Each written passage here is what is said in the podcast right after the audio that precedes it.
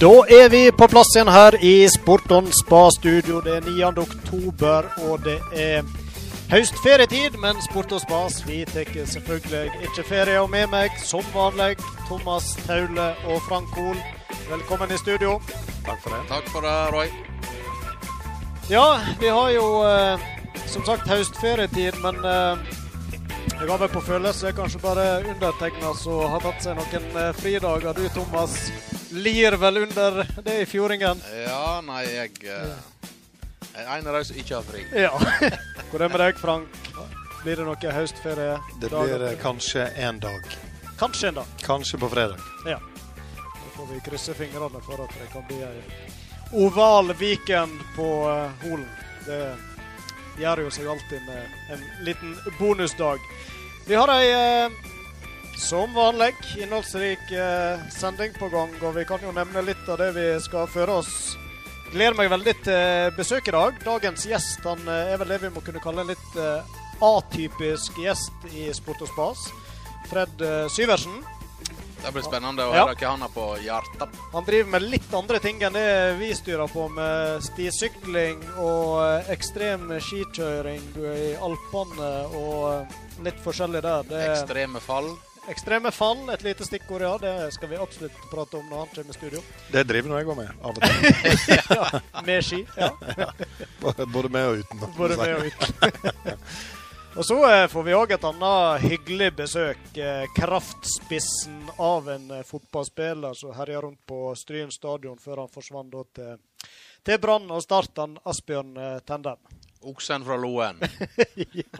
Ja, han var Han husker jeg godt når han spilte. Han var, er jo ett år eldre enn meg, og eh, de, Jeg husker spesielt siste sesongen han spilte på Stryn. Da var han helt ustoppelig. Han var fantastisk god. Men eh, det klabba litt i Brann. Gikk vel litt bedre i, i start, så vi får høre hva han sier om, eh, om sine glansdager. Vi gleder oss iallfall til å mimre litt lagmann Asbjørn Tenden i spalten Vi vassa i arkivet. Og så eh, skal vi òg ringe opp en kar som er tett på fotballandslaget i disse dager når det er oppkjøring til helgas EM-kvalikkamp mot Spania.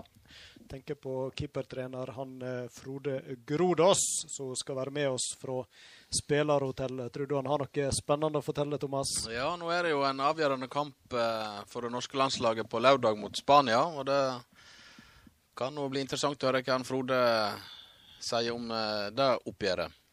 Hvis de taper der, da er det vel forsvinn? Definitivt. Ja, det kan fort bli det.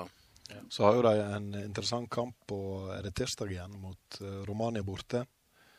Der Romania da ikke har lov å ha publikum til stede, eller hjemmepublikum som lov å være der. Så det kan jo bli en interessant oh, yes. aften. Det var nytt for meg. Eh, Hvorfor ikke? Har de lov ha publikum? Hvorfor spør du? Er så vanskelig. Nei, det var en eller annen straff de fikk for et eller annet. Men, eh, Ja.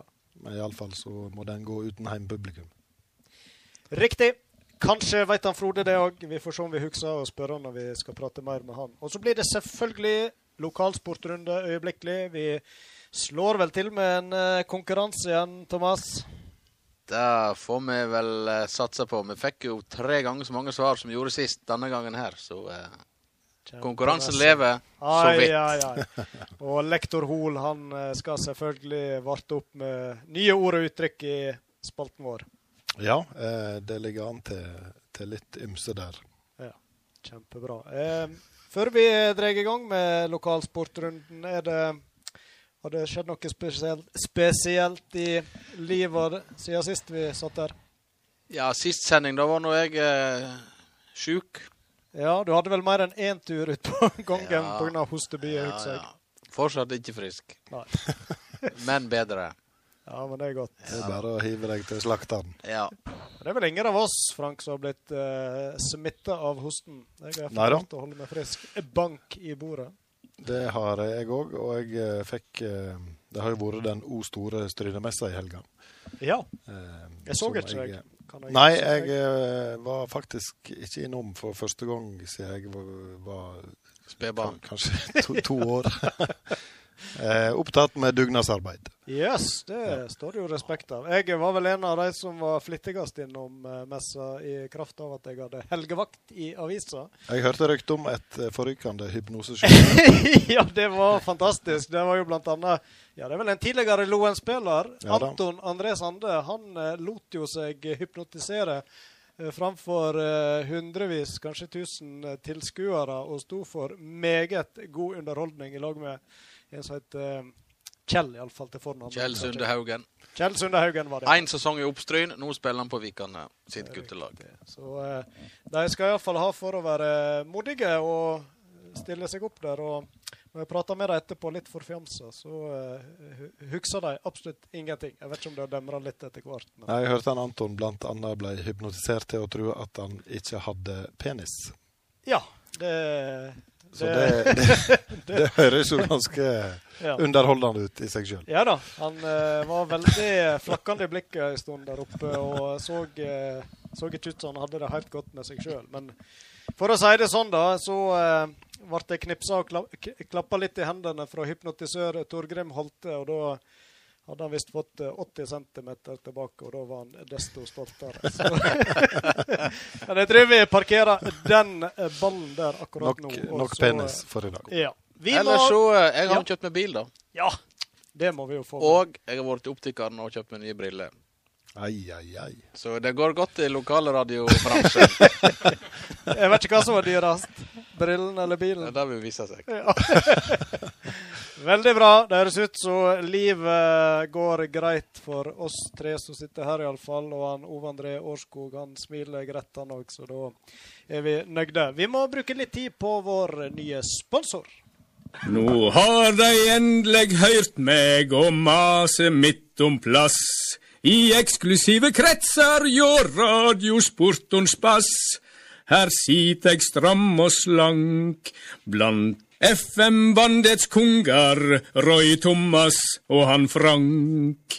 Kjøpmann André Oppheim og Bumpris Olden er stolt sponsor av Sport om spas i sesong to. Å ja! Jeg hører på Radio Strynde. Lokalsportrunden. En eh, runde for deg som liker ja, lokalsport. Vi prøver oss med nye gjengler, så kan en vel eh, kanskje ikke diskutere bruke så mye tid på å diskutere hvor det- god eh, alle disse jeg sitter her er nesten i sjokk. Dette visste ikke jeg om, at vi hadde fått en ny jingle. Det, det er vel det vi kaller hyrten og styrten. Så, eh, Han var nå forståelig, i hvert fall. ja. Jeg, Ja. eh, jeg likte den veldig godt. Det er iallfall lokalsport, og eh, der har vi nå eh, litt forskjellig å ta tak i. Vi begynner vel i uh, fotballhjørnet, og uh, der må vi vel kunne si at den største spenninga den skal vi ned i femtedivisjonen for å finne. For uh, Stryn 2, som vi liker jo å nevne her i Sport og Spas, spilte en veldig, veldig viktig kamp, Frank. Ja, de gjorde det. De spilte borte mot uh, Studentspretten 2, og med seier der så ville jo de ha tatt uh, KM-tittelen i femtedivisjon. Utfallet av det hele det var at uh, Studentspretten de utligna da ett minutt på overtid. Og dermed var en plutselig avhengig av resultatet Vik-Skavøy-Poll. Og da gikk ikke det helt veien, det heller. Nei, det enda jo med at, uh, at Vik snek seg forbi Stryn, og Stryn var vel da ett poeng bak uh, Vik uh, på den endelige tabellen. Vi kan jo nevne at han eh, Jon Marius Berger ble Stryn 2 sin toppskårer denne sesongen her. 14 nettkjenninger.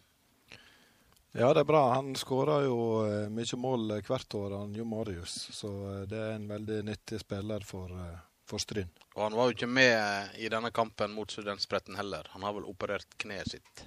Ja, det er riktig.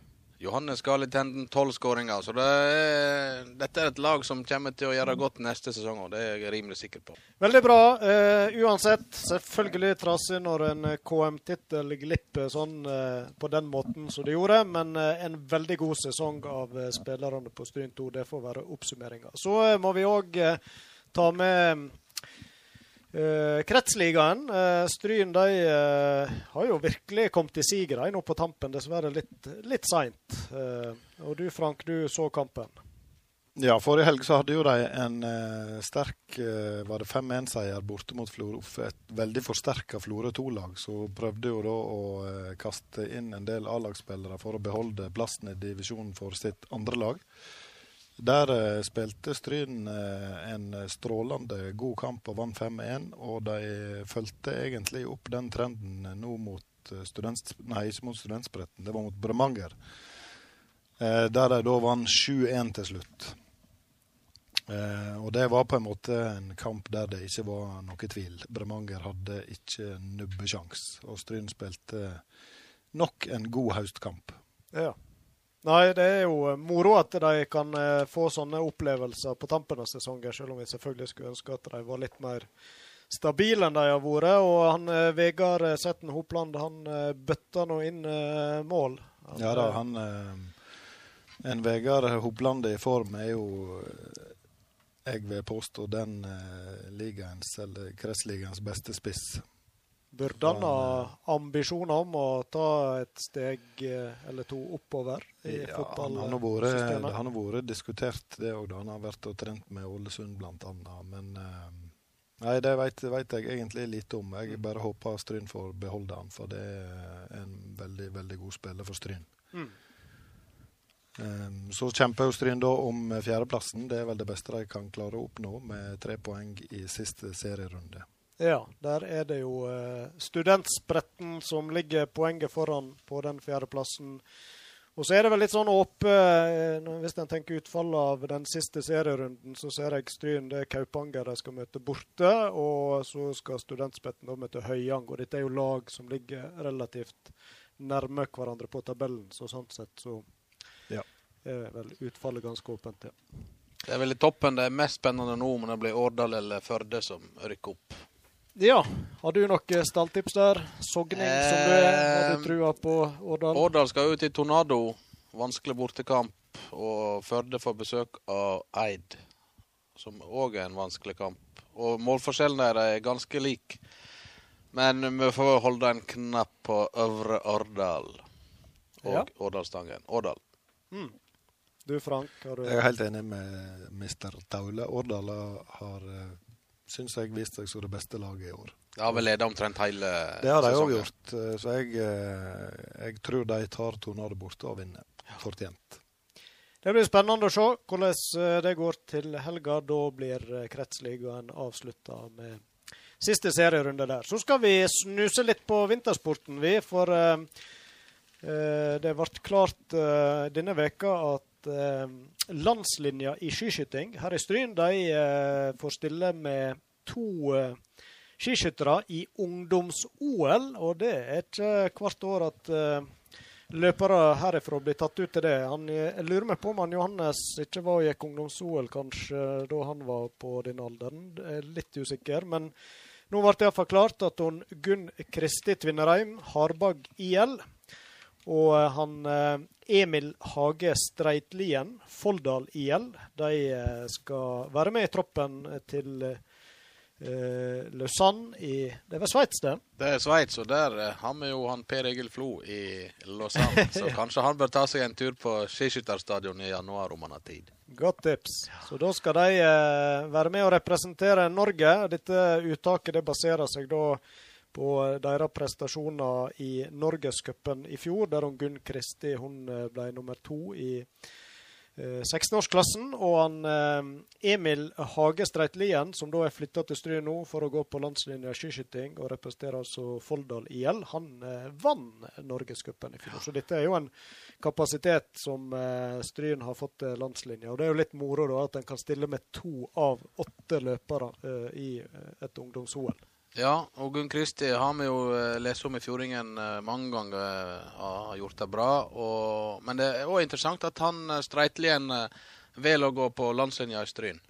Og han er jo en uh, skiskytter som har hevda seg uh, i aldersbestemt i noen sesonger nå. Mm. Nei, Det tenker jeg er et uh, flott signal til landslinja her, at, de, at han har valgt å prioritere på den måten. Her finnes det jo diverse uh, toppidrettsgymnas som sikkert ligger nærmere han geografisk, så det, det syns jeg er, er flott. Og så ser jeg òg at han eh, Sjur Ole Svarstad, som er lærer ved landslinja, han òg syns dette er litt eh, stort for dem, og et, eh, et kjekt signal både til elever og lærere at de gjør gode ting ved landslinja i skiskyting. Så veldig moro. Så får vi følge med da når januar kommer, og selvfølgelig før den tid når sesongen begynner ut i november-desember, om hvordan disse klarer å hevde seg, om de kan spisse en liten OL-form fram til midten av januar, når OL i Lausanne finner sted. Ja. Mer lokalsport. Jeg eh, vet ikke om vi skal ta med han uh, Mats som uh... Mats Solheim han må vi holde et lite øye med nå framover. Han og laget Hammarby i Allsvenskan i Sverige de har jo blanda seg inn i uh, tetstriden nå. Ligger på tredjeplass etter at de slo uh, Djurgården 2-1 sist helg. Solheim starta på benken, men når Hammarby fikk en spiller utvist, da måtte han til pers. Da kom han inn. Og var med å sikre 2-1-seier der. Inn som midtstopper, hører jeg? Ja, han holder seg i de bakre rekker. God, eh, god ryddemann. Ja da. Og nå skal de jo møte Malmö i neste kamp, eh, som eh, overtok ledelsen i Allsvenskan. Så Solheim han, han kan bli svensk seriemester. Yes, Da tror jeg vi må ta oss en ny telefon bort til Sverige. Vi hadde jo med oss Mats her i forrige sesong ja, i vår. Så det... Ellers så eh, vil jeg nå framsnakke Stryn sitt damelag i fotball. De spiller en viktig kamp på søndag, hjemme mot Vik. Da uh... Ja, de hadde jo spillefri nå i helga, ja, så de, de ligger hatt, fortsatt på toppen der, de. 14 dager spillefri, ligger på topp i lag med Sandane. To poeng for Førde. To kamper igjen nå. Tre kamper. Tre kamper to heimekamper, én borte. Så her blir det thrilleravslutning i tredjedivisjon for damer.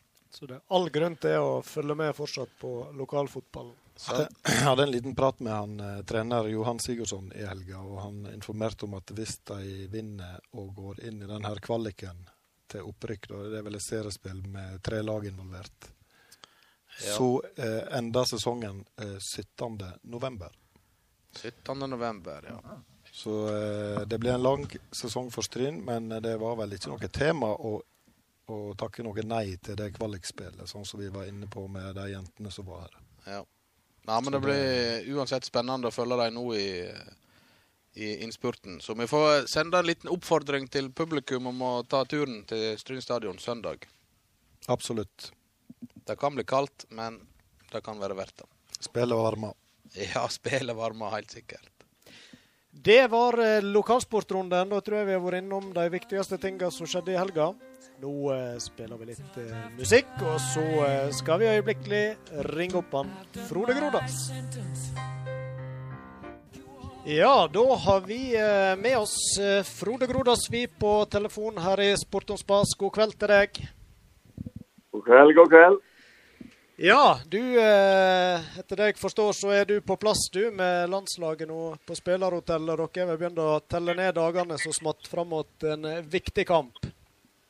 Ligger på senga på rom 648. Det pleier å ligge. Tilbringer faktisk ganske mye tid her. 648. Ja. Notert. Det, det er eh, også, Vi samles her på, på søndag i støtteapparatet, og så kommer spillerne inn på mandag. og så ligger vi her og for, forbereder og så trener. Ja. Får uh, keepertreneren massasje òg, eller? Hva sa du? Får keepertreneren massasje òg, eller bare spillerne som ja, får sånn? Eh, hvis jeg spør fint, så er det mulig at jeg får lure meg til ti minutter. Men eh, eh, nei, jeg har aldri vært noen sånn massasjetype, da. Er du det, forresten? Nei, jeg kan ikke Det er så vondt. Det er så stive stølemuskler at det, ja, det, ja. Men eh, for å prate litt alvor her, så er det jo uh, det, er litt som står på spill nå, er ikke det? Ja, det er det. Det er, det er jo kan jeg si at det er de viktigste kampene i året på, på lenge. og det, det, er det på en måte, Selv om alle landskamper er på en måte viktige. Men nå, når, når sånn turneringer eller kvalif kvalik nærmer seg slutten og det tilspisser seg, eh, og du er med og kjemper om eh, en av de to plassene der, så, så, eh, så, så, blir det viktig. Det blir mye trøkk, og det merker jeg. Eh, selv om vi bor ganske sånn avskjerma, så at ikke vi, vi kjenner jo liksom ikke på det trøkket hele tida, men, men, du vet at det er noe viktig som, som skal skje. da. Så er det utsolgt. Det blir god stemning. Nå, eh, Frode, nå har jo eh, Sverige de ligger jo på andreplass i gruppa nå eh, med elleve poeng, og de har Malta. Så eh, tre poeng mot Spania, det er vel nesten påkrevd? Ja, det, vi er jo veldig klare over situasjonen. At eh, enten helst så må vi slå Spania.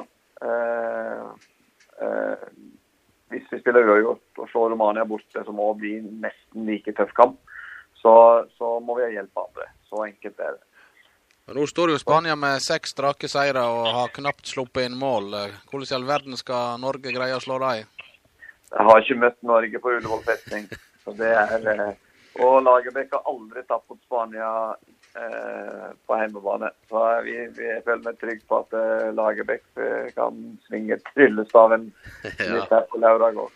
Det kan jo være at Spania har så mye poeng i denne gruppa nå at de slakker litt eh, av eh, i en bortekamp mot Norge. De har vært veldig profesjonelle sånn i alle tidligere eh, kvaliker. Det er sjelden at Spania går på, går på noe sånn flause eller spiller en dårlig kamp eller noe sånt. Så det er, det er, veldig, det er et veldig sånn profesjonelt lag som, som uh, har stor stolthet i det de driver med. Så det blir en, uh, blir en, en, en, tøff og spennende kamp. Men jeg, jeg tror faktisk vi har uh, Eller vi tror vi har muligheter. Er, er null grader og surt og kaldt er det som er drømmeforholdene, eller? Span Spanjoler er jo ikke så glad i kuldegrader og kaldt. Ja Kanskje for 20 år siden, så Nei, jeg vet ikke. Vi må jo klamre oss til det vi kan her. nei, uh, nei, vi trente på Ullevål første gang i dag, og den er, er perfekt matte. Den er så fin. Og, og sagt, ramma blir fantastisk. og det, det er bra meldinger til, til lørdag, så jeg, jeg tror ramma rundt, atmosfæren, kommer til å bli superbra. Men Frode, bare litt rundt uh, rolla di. Du er jo keepertrener, uh, selvfølgelig. Uh, er det andre spesielle arbeidsoppgaver som du har inn mot landslaget? Jeg er jo med i et team, da. Så vi, vi, vi jobber jo tett i lag i forhold til, til ting som skjer under samlinga her. Du er inne på litt på treningsinnhold, og du har litt på, på dødball og litt sånne ting. Så det er Ellers er det, er å bidra inn i, inn i, gjengen og gruppa så, med, å være så positiv og med så mye energi som mulig. Så Det det, det handler om å bare lese hva den gjengen med spillere trenger da, for å være på topp på, på, på lørdag. Kan du melde om en uh, allmenning Jarstein i kalasform, for det kan vi fort få bruk for? Ja, definitivt. Eh, jeg sier, skal vi gå til gå til et mesterskap, så trenger vi en keeper som redder oss to, to ganger i løpet av kvalik. Eh, jeg sagt, og Nå redda han oss mot Sverige. Nå kunne han redde oss mot Spania. Nå gikk ikke det sånn. Og kanskje på lørdag da er det den, den kampen vi trenger Rune litt ekstra. da. Ja, Det blir spennende. Han blir nok en uh, viktig spiller. Det blir han, sånn som alle andre. Det, har, vi må ha en god dag der alle må være på på topp og, og levere opp på sitt beste. Da, da, med litt publikumhjelp og, og litt sånn, så skal vi, skal vi overraske litt Spania. Har du eh, sjøl eh, spilt mot Spania? Det har du kanskje? Ja. Jeg hadde Vi spilte eh, mot Spania en treningskamp, det var ikke kvalik. Jeg tror det var i 95 sånn, eh, på Kanariøyene. Eh, vi tapte 1-0. Um, men eh, det var en hektisk og travel dag for keeperen nå. Det var det. Ja, ja. Men det er jo sånn du liker det, å ha mye å gjøre? ja. ja da. Det var, det var Nei, det var, det var Fotball er jo veldig spesielt i Spania. og det er, Spillerne er veldig eh, Det har veldig høyt ferdighetsnivå, og, og, og så er det superkjerne på alle plasser, men det er bra som lag òg. Så det er, det, er, det, er, det er, et godt landslag vi møter. Ja, Du Frode, du som nå er involvert eh, i landslaget i dag, og du har jo ei, ei strålende karriere bak deg. Men Hvis vi spoler helt tilbake fra da du var, eh, var i Håndalen. Hva, hva, var det egentlig som gjorde at du ble keeper i, i utgangspunktet? Ja, si det. Det er, jeg har tenkt på det litt, da. Men det, uh, det var vel noe med det å, å stå der og stoppe seg ballene, da. Som, som, du opplevde så veldig, veldig, veldig sterkt. Um, og så har jeg gitt mye av rosa til, uh, ros til, uh, til vår eminente eks-redaktør, journalist i Fjordingen, Harald Vartdal, som uh, med sitt lynne og humør og entusiasme fikk et var veldig positiv og, og inspirerende da jeg var i, altså i femårsalderen da jeg begynte å, å bestemme meg for å bli keeper. Så, så og så er, er, det veldig Du var veldig i den ene at du fikk veldig mye, mye skryt.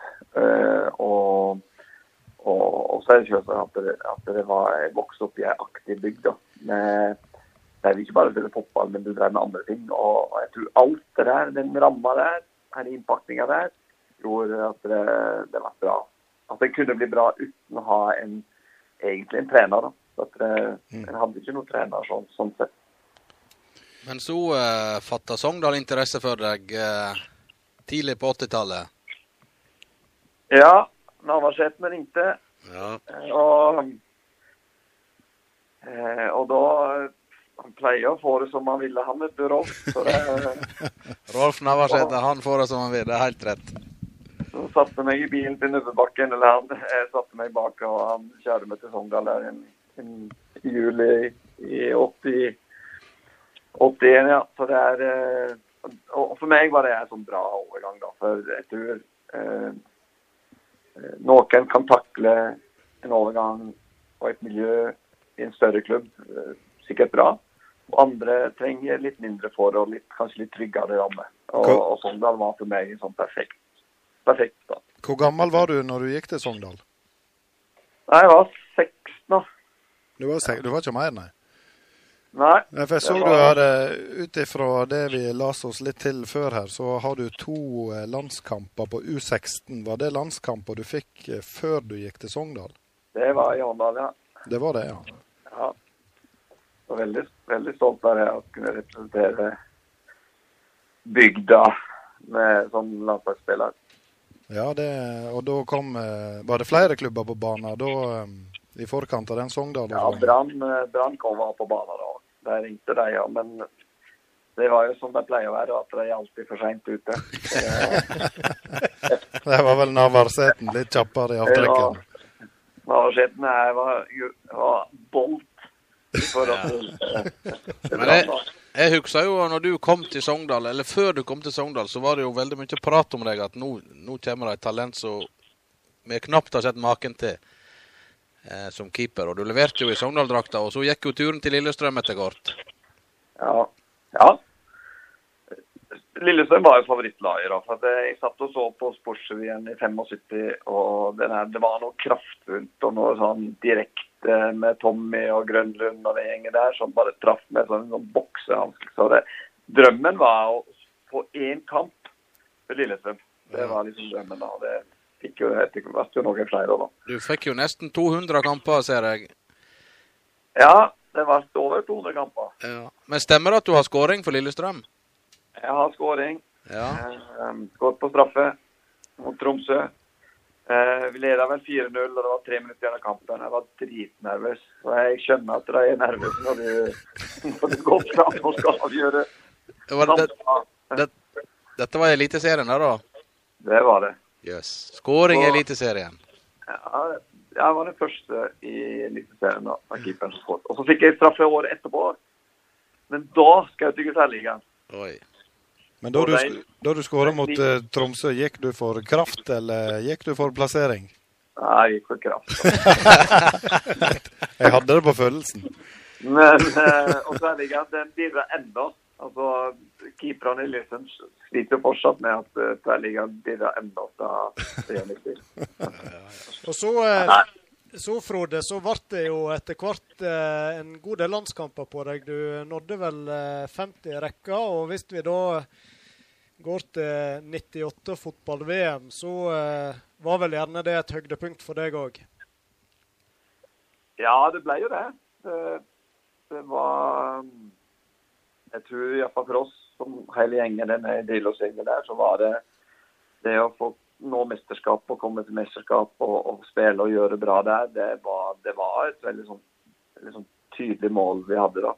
Så, så, og den kvelden i Marseille den, den har jo vist seg i ettertid at den var, var, var, jo spesielt for oss.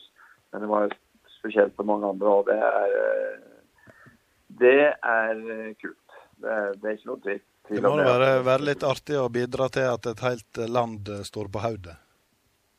Ja, det var spesielt. Det var det. Var det. Og, så, og, så, er det sånn eh, Litt tvil om jeg alltid sånn tvil om hvor mye du skal liksom, prate og legge ut om den dagen og kvelden der. Men, men eh, jeg syns det, det, kan bli litt mye noen ganger. Da, men at eh, folk er litt redd for at folk skal bli lei, liksom. Men, eh, men eh, det var, det var jo Jeg har jo skjønt at det, det var en veldig sånn positiv og en veldig sånn sterk opplevelse for mange. da, Så det, det, det var kult. Og Dette var jo en så sterk opplevelse, Frode, at enkelte ble jo inspirert til å faktisk uh, lage sanger rundt det. Og du fikk jo din egen hyllestsang i 98. Jeg regner med du har hørt den? Det har jeg, og det er jo et nytt høydepunkt i min karriere. da. Det soul- og funkerlaget der i Håndal, det er eh, alltid vært en av favorittene mine. der. da. Så, men eh, at de skal, skulle bruke tid og, og, og, lage en sang til meg, det Eller sang til meg, men, men eh, i mitt navn, da. Det var, det var stort. Overraskende. Ja. Og denne sangen, det som var litt spesielt, det var at den ble, sånn som jeg oppfatta det, så ble den aldri gitt ut. Men det har skjedd nå 21 år etterpå. Da har sånn, eh, Håndalen Soul Funka Lag kommet ut eh, med denne sangen, så nå ligger den eh, tilgjengelig for alle og enhver. Ja, det, jeg oppdaga det først på Facebook da, for et par uker siden. Ja. At den var kommet. Så de måtte jo inn og høre den. Og det, det var jo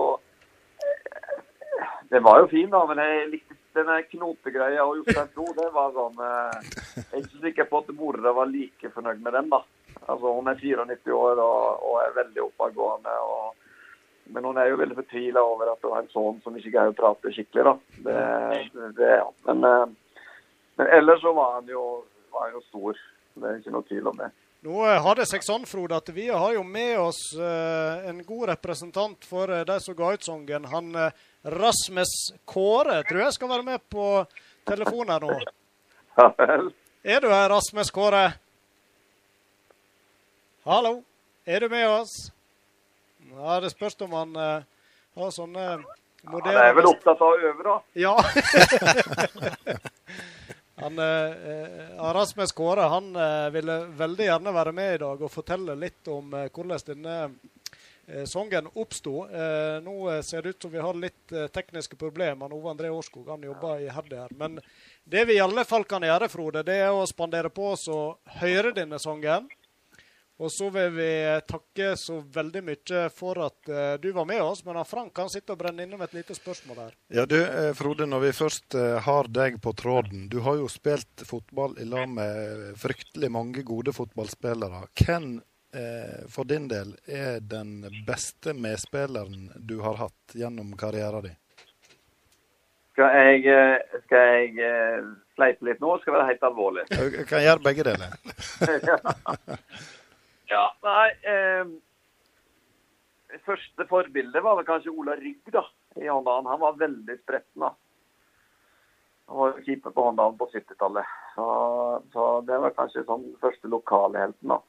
Eh, når det gjelder sånn internasjonal eller sånn der du har spilt med på lag med, så, så, så må, jeg, eh, må jeg trekke fra Gianfranco Sola i Chelsea. Og så har jeg lyst til å nevne Tor André Flo. For når han kom til Chelsea, det, det, det var jo andre året mitt der Jeg har aldri sett en spiller dominere sånn på trening som Tor André gjorde eh, da han kom. Det, er- altså, folk var i sjokk. Da var han god, altså. Bare sånn la- langt i bakgrunnen. Nei, men Det er godt å, godt å høre at en uh, Stryning og en Håndøl har uh, Ja. hevda seg på øverste. er forskjellige fylker og kommuner nå. Det var rart. Ja. Da, da styrer de feltet, som du kanskje hører fra det i bakgrunnen. Så nå har vi, har vi med oss han eh, Rasmus Kåre likevel, kanskje? Ja. Er du der? Nei. det vil seg ikke. Men vet du hva, Frode? Da eh, tror jeg vi har oppholdt eh, deg lenge nok. eh, og så eh, sender vi våre lykkeønskninger nedover til dere som eh, snart eh, står i det med begge føtter og skal kjempe om tre viktige poeng. Og eh, tusen takk for at du var med på sendinga i kveld. Takk for det. Det var bare hyggelig. Og så spiller vi selvfølgelig Ja. hyllessangen til Frode Grodas.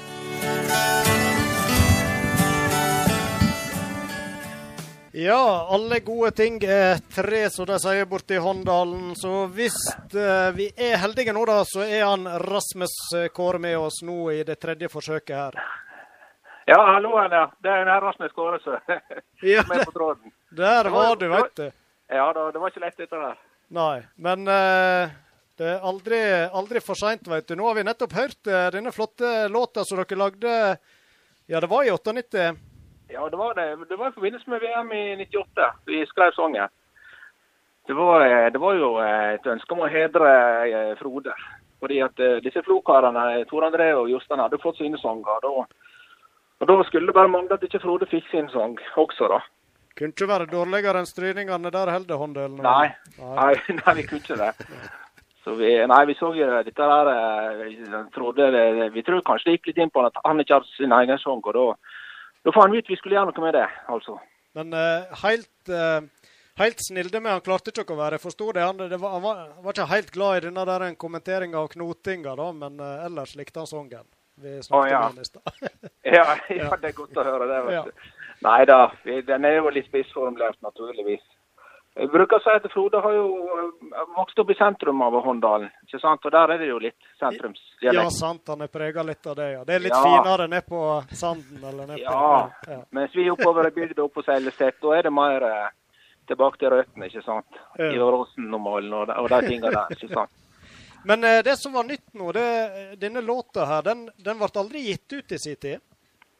Nei, vi hadde rett og slett ikke råd til å gi den ut i 98. Vi, vi var på sponsormarkedet og var helt fortvila, men eh, Og det var i en tid der subsidiene ikke strakk til i landbruket, så vi, vi fikk rett og slett ikke råd til å gi ut sangen.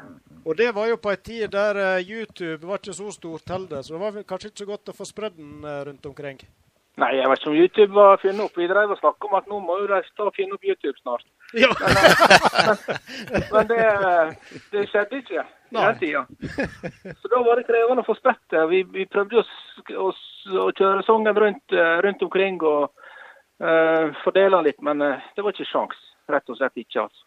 Men nå er den ute, og nå er den òg kommet inn på selveste spillelista til Radio Stryn, så da eh, går den jevnt og trutt eh, på FM-bånd òg, så det er ikke verst. Det er jo fantastisk. Helt fantastisk. Nei, Vi, eh, vi børsta støv av den, og vi fikk en kar opp i Ørsta til å Det heter jo remaster, dette her. da. Digitalisere, ikke sant. Og, Ja. og sånn. Så uh, da var, fikk vi et nytt for, eh, for et, uh, ja, rett og slett for hele verden, får vi håpe. Ja, vi satser på det, at de sitter både i Asiaten og andre plasser og Uniten. ja. rockefoten får sitt. Ja da, men da er det klart. Vi er jo obs på at vi må kanskje sette den om til flere språk. ikke sant? For det, er jo kanskje ikke det mest internasjonale språket. Så det kan hende vi må gi den ut på flere språk, så de forstår eh, tegninga. Forstår eh, innholdet i sangen rundt omkring i verden. Ja. Nei, det, det, der er du inne på noe. Men da har dere litt å jobbe med fortsatt, skjønner jeg. Så eh, Vi har det, altså. ja. kjempebra. Veldig kjekt eh, du var med oss, Rasmus Kåre. Og så eh, skal vi spille denne Frode Grådas eh, flere ganger. Vi er både i Sportonspass og i Radiostream. Det høres veldig bra ut. Så må du, du må helse Frode. Jeg vet ikke om vi rakk han, eller han reiste hjem igjen, eller? Nei, nå eh, har vi lagt på røret her, så eh, vi satser på at han kanskje hører videre på sendinga. da, Så får han med seg eh, hilsener fra deg. Veldig bra. Tusen takk til deg. Så uh, sier vi god kveld, og så skal Jo. vi Takk i like måte. Ha det bra. Ha det godt. Ha det. Da uh, hopper vi galant uh, videre til neste post på programmet. Dagens gjest han er kommet i studio, og vi må vel kunne si at dette er en idrettsutøver litt annen kategori enn det vi ofte bruker på besøk. Velkommen til deg, Fred Syversen. Takk skal du ha, Roy.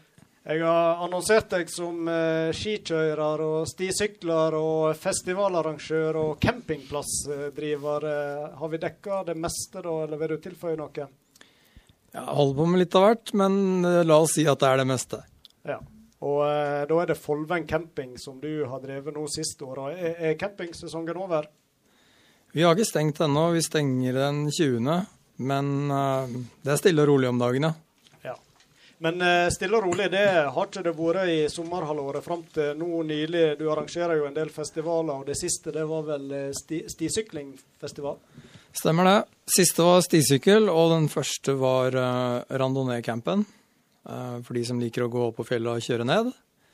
Og så hadde vi Strynefestivalen i starten av juni. Ja.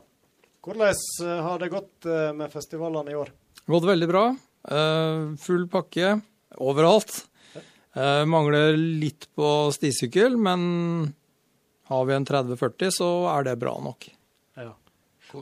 Hvordan er deltakinga på festivalene? Er det mye folk utenfra, eller er det litt lokale òg som eh, møter opp? Det er nok mest uh, utafra, ja. Eh, noe lokalt er jo absolutt, og vi bruker jo en del lokale som guider, blant annet.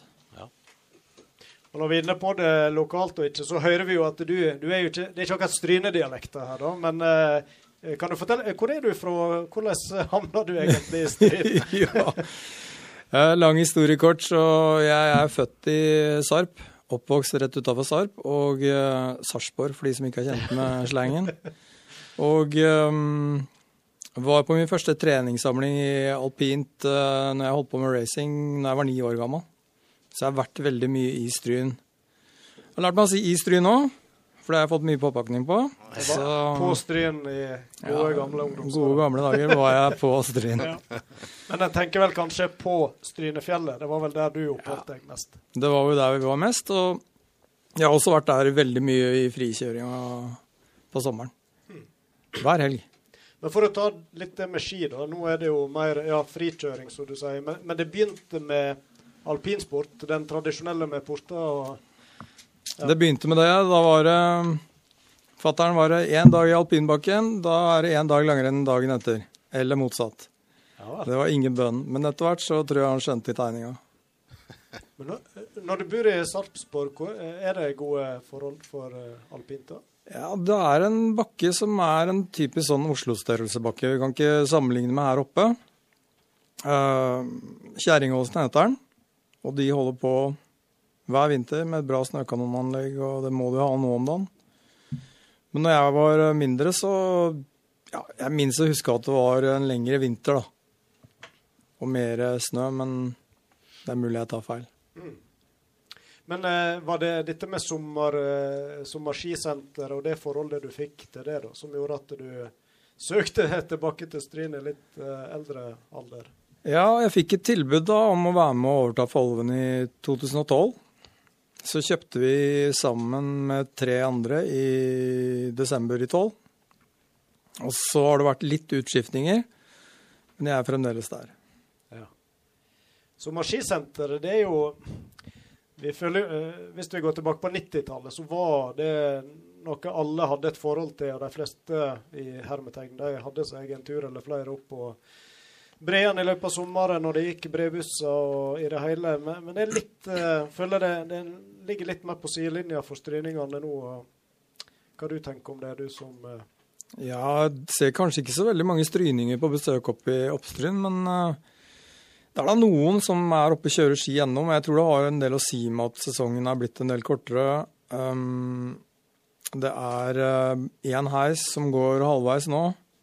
Uh, du er nødt til å gå resten hvis du vil kjøre de fine linjene. da. Så vi får krysse fingrene for at han Idar oppe på fjellet får seg noe hjelp og får opp en heis til. du har fortsatt trua på sommerskien? Det har jeg absolutt, eh, fordi det er såpass bra terreng der at eh, det er liv laga. Og får vi litt hjelp av Vegvesenet, så kanskje det åpner veien litt før òg. fordi det var jo mer snø og høyere brøytekanter før, så sånn sikkerhetsmessig burde det jo være innafor å åpne litt før.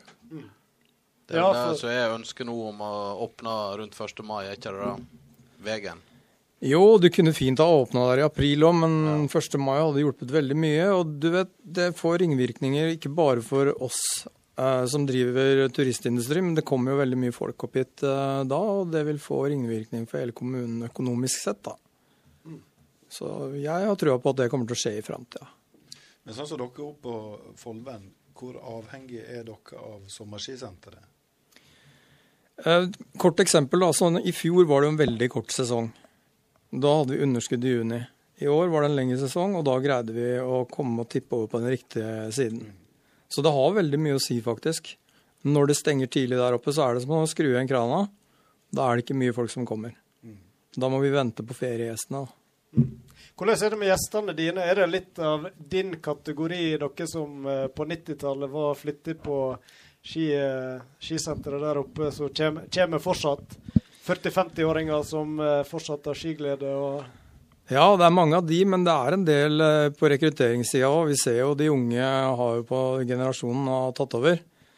Så, men jeg tror nok fremdeles det er mange av de gamle som var her før i tida, som er her ennå.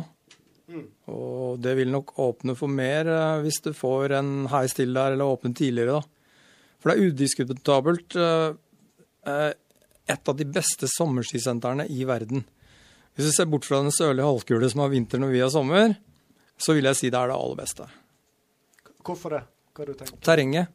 Ja. Eh, muligheten til å kjøre over 1000 høydemeter på i juni, kanskje få pudder i juni, som ofte skjer, det finner du ikke mange steder på den nordlige halvkule da.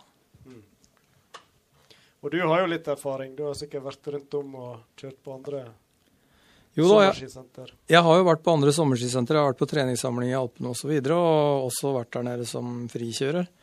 Um, det blir veldig mye bredere, og de er stort sett veldig flate. Så det blir litt sånn type Juvas-kjøring. Ikke noe vondt om Juvas, det er en veldig fin plass. Men ikke, ikke helt som Nei, den har jo ikke samme fall, eller brattheten som du har i Strynefjellet, da. Nei. Hvor du får en følelse av egentlig sommerskikjøringa blir eh, Den er ute i fjellet. Og vanligvis på et sommerskisenter så kjører du på en bre som, som er relativt monoton, da. Mens her har du muligheten til å kjøre i terrenget. Men eh, hvis du tar de eh, skikjøring, så, eh, så ga du deg etter hvert med den aktive alpinistkarrieren. Hvor gammel var du når du eh, fant ut at startnummeret var ikke så Da var jeg 19 eller 20. Ja, så du drev det egentlig til senioralder? da. Ja, jeg drev det lenge, og så ble det en tvil eh, i hodet mitt om jeg skulle satse eller ikke. Og da er egentlig valget tatt. Fordi skal du satse, så må du være 100% inn på det. Kan du si litt mer om det du Frikjøring og vi, vi som ikke er så inn i dette segmentet, om du kan forklare litt hva det går i? og Ja, det er vel eh, den eldste formen for skikjøring før vi fikk preppa bakker. ja. så jeg tror nok det er mange opp gjennom generasjonene som har drevet frikjøring, selv om de ikke kalte det det. Og det er rett og slett å kjøre i eh, upreparert terreng, da. Altså nå med toppturutstyret som man har fått osv., så, videre, så har man jo muligheten til å, til å utforske mye mer og gå på mange, mange fine fjell som er her i Stryn og i omegn. Og ehm, det vises jo både på antallet folk som kommer, og eh, skredstatistikken eh, også, dessverre.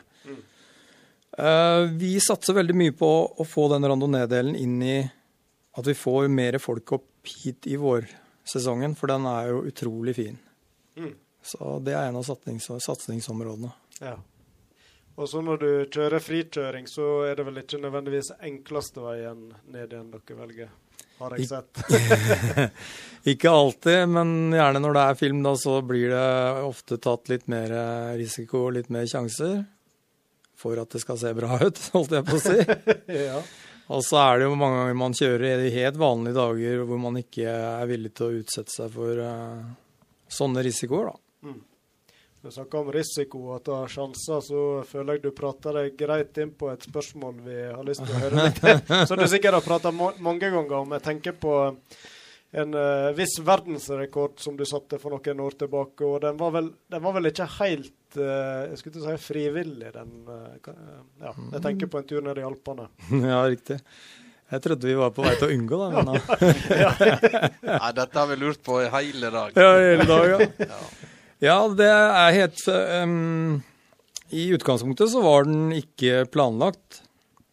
Når det først skjedde den feilen som skjedde, så var det jo da uh, Bare ta kort, uh, hvor var dere, og hvor, var det dette uh... Det var i Sveits, og det var en filminnspilling med et NDG Cinema, heter det.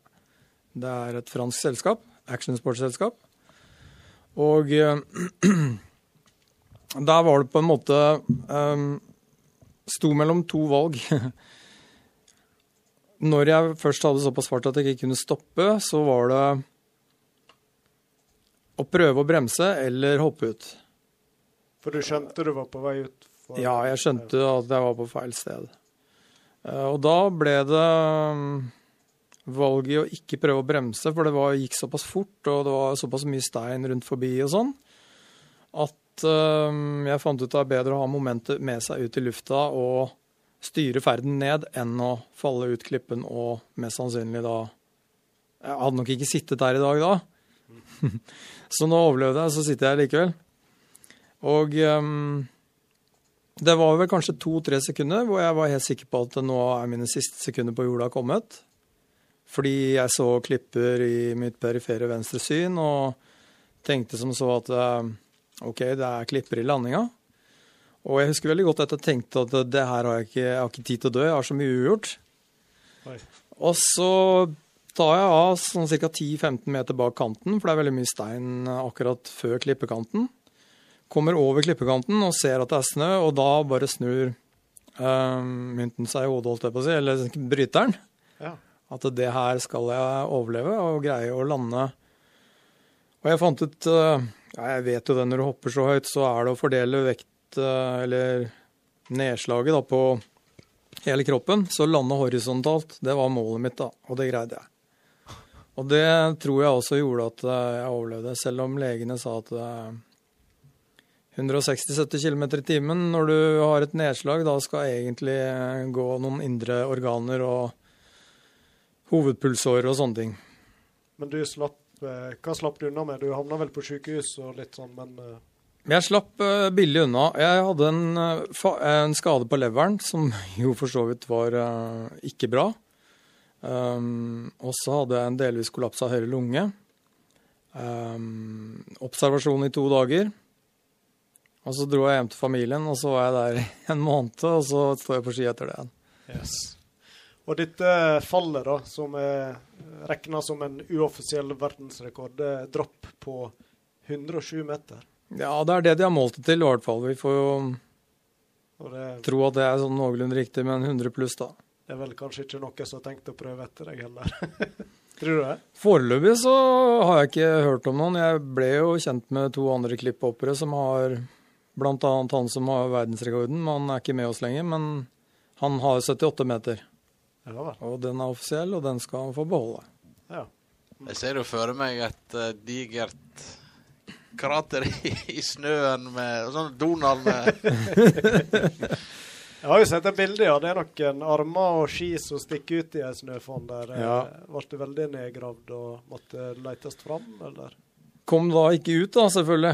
Uh, fordi det var jo som å sitte fast i et snøskred. Som for så vidt har skjedd meg her oppe i Stryne vinterskia for en del år siden. Og um, der kom jeg meg ut, men her kom jeg ikke ut. Uh, det første jeg tenkte når jeg landa, var uh, Jeg var med under fulle fem, og så bevega jeg tærne og fant ut at ok, jeg har bevegelighet, og så prøver man å komme ut, og så kommer man ikke ut. Og man vet at uh, helikopteret kan ikke lande her. Det kommer til å ta litt tid. Så jeg tror nok det tok en ja, Det er vanskelig for meg å si, men de sa etterpå fire til seks minutter da, før de var på plass. da. Oi. Men du var, du var, bevisst hele veien? Da. Jeg var nok bevisst uh, store deler av tida, men jeg kan ha besvimt helt på slutten. Men det, det er umulig å huske, fordi du bare forsvinner. Mm. Men uh, jeg merka at de begynt, ikke begynte å grave, men dunka borti meg. Så det kan ha vært at jeg har vært borti noe tid. Jeg vet ikke. Jeg får være glad det var ei filminnspilling, og folk observerte alt som skjedde og fikk det med seg. Og... Ja. ja. Kan du være glad at det var snø i nedslagsfeltet det også. ja. Helt klart. Mm. Og da passer det jo bra. Du har vel fått til navnet Fred 100 eh, og Syversen, så det kler jo navnet ditt, om ikke annet. Ja. ja, ikke sant. Det var meninga at det skulle skje, kanskje. Vi skal prate mer med deg, Fred, eh, om litt andre ting òg, men vi spiller litt musikk imens og tar oss litt kaffe og slapper av, og så eh, fortsetter vi praten. Stas er helt konge. Ja, vi har med oss eh, Fred eh, Syversen som gjest i Sport om spas. Og vi avslutter før musikken med å uh, snakke om et det må kunne mildt sagt si et veldig dramatisk fall i Alpene. Enda heldigvis godt. Men du nevnte òg du hadde vært ute for et snøras her lokalt. det Kan du fortelle litt om det? Det var i 2000, tror jeg. i jeg lurer på om det var i mars, og det var oppe i vinterski i skogen. Uh, til skikjørers venstre for uh, heisen nederst. Og uh, vi visste at det var skredfare, men vi ville holde oss i skogen, da. Men et litt åpent felt. kjører, alt sprekker rundt meg. Går utafor en klippe og skader meg litt og får såpass skadeavbrekk i 14 dagers tid, tror jeg, at jeg gikk glipp av en filminnspilling i Lyngen. Og det var litt synd, da. Men det gikk bra da òg, tross alt? Det gikk bra da. Ja. Altså, det var uh, en god lærepenge. Mm. Men det er, jo en, det er jo en risikosport på mange måter når en driver på det nivået du gjør. og eh, det brer jo om seg lokalt òg interesser. Du var inne på det sjøl, flere og flere som eh, søke mot fjellet, randonee og, og sånt. Og hva, hva, tenker du er liksom det grunnleggende og viktige å ha med seg når en skal ut på disse turene? Uh, det er mange ting som du egentlig må ta hensyn til. En av tingene er at du aldri må undervurdere fjellet. Og det, det gjelder alle årstider. Uh, det skjer ting der oppe, og det forandrer værmessig. Snøen kan forandre konsistent på på noen få minutter, ikke det engang. Man har, man har så mange ting å ta hensyn til. Da. Altså, jeg tror det å tilnærme seg det vil kreve at du øker skiferdighetene dine så bra som mulig, fordi du kjører på alt mulig forskjellig snøkonsistens. Og um, prøver å være litt uh, godt trent.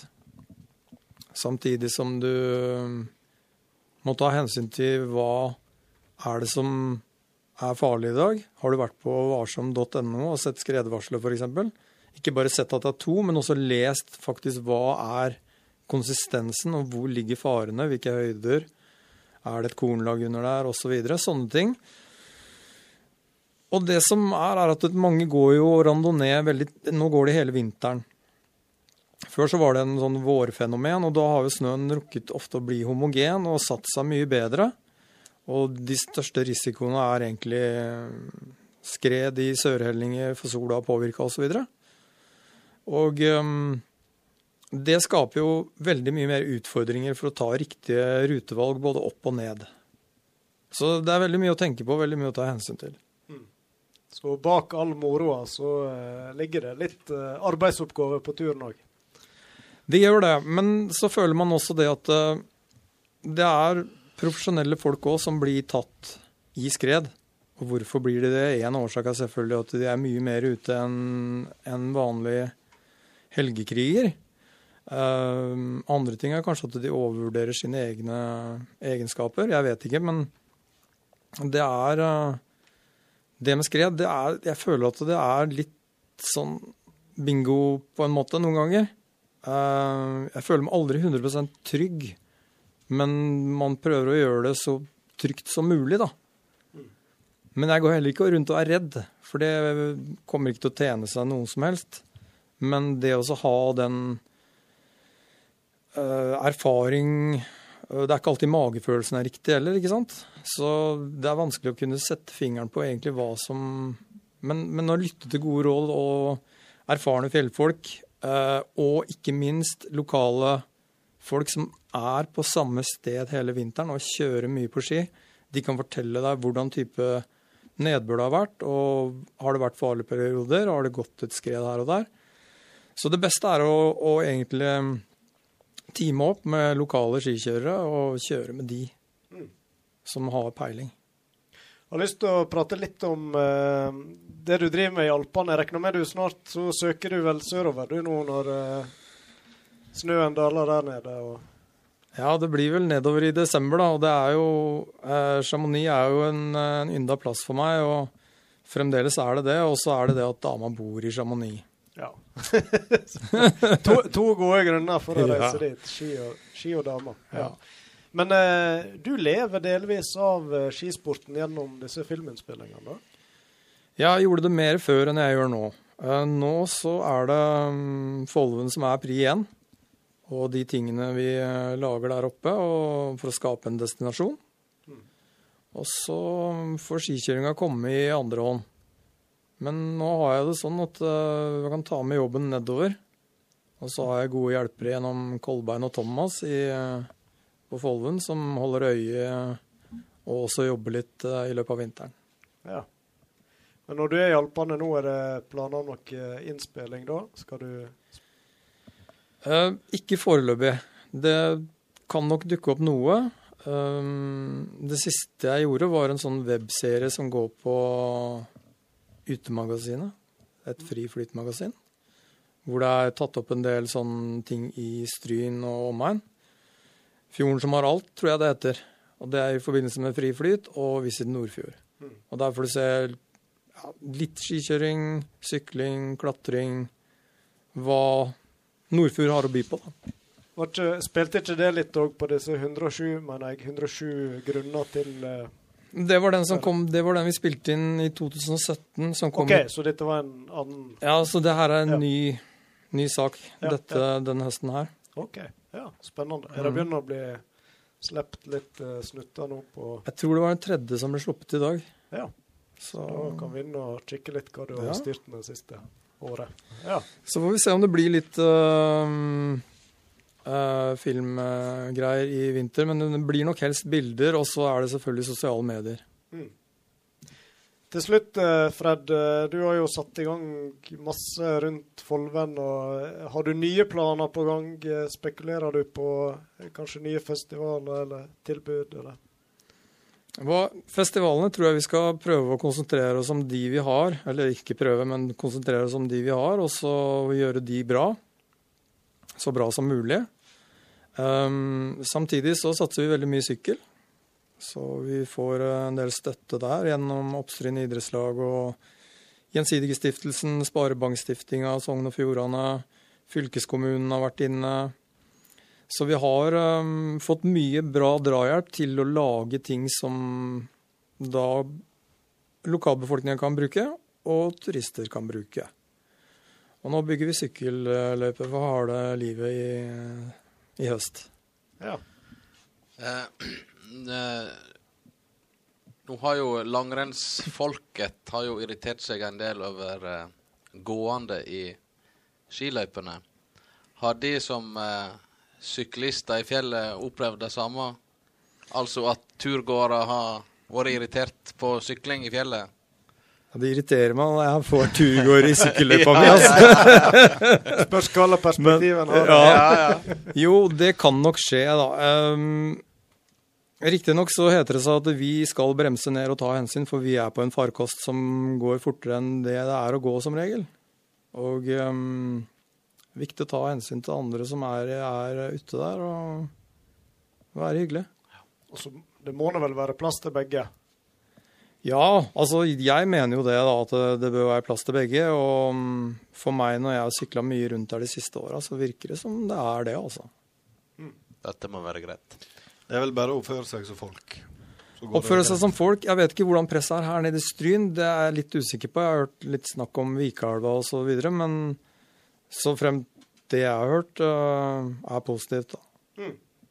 Helt til slutt, Fred. Har du et uh, skikkelig godt tips til hva en bør oppleve i egen fjord, du som har vært rundt og, både på ski og sykkel og klatring?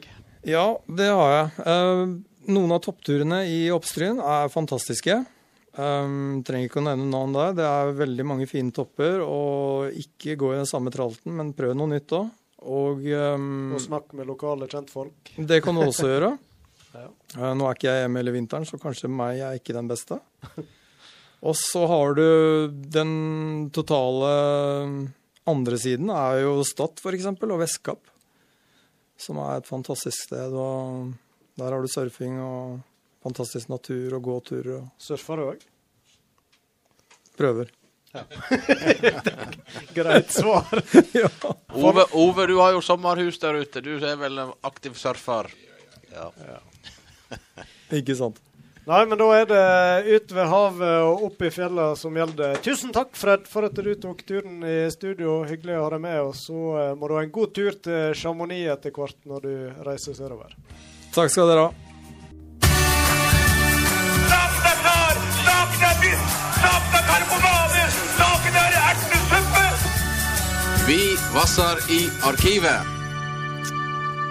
Ja, da er det klar for uh, vår uh, arkivspalte. Og uh, nå er vi kommet til deg, Asbjørn Tenden. Velkommen.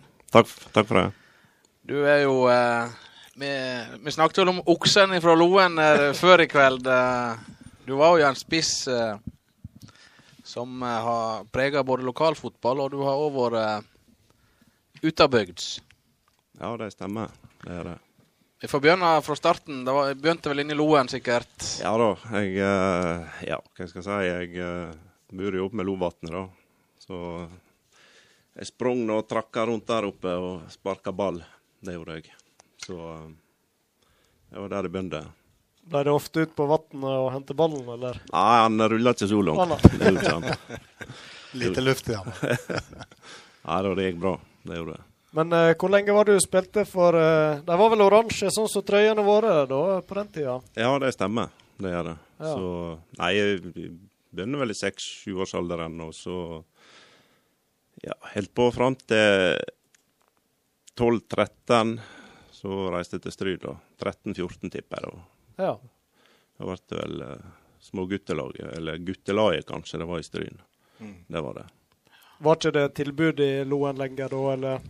Ja, det var vel det at uh, jeg ville videre. Ja. Det var vel tilbud, tror jeg. Eller eller jeg husker ikke, da, men jeg tror, tror det var tilbud. Mm. Det tror jeg. Men uh, jeg fant ut at jeg ville videre, og så var det vel uh, Tror jeg òg Stryn var ute etter å hente meg inn. Ja vel. var Hvem var det du kom på lag med da? Nei, da var det Per Ole og Eivind og Ole Jakob og Ja. Det var en god gjeng, iallfall. Ja. Det var det. Mange sterke navn der. Ja. Hvor lenge var du i Stryn? Eller når debuterte du for A-laget til Stryn? Jeg husker jo uh, Sayo Sad var jo trener.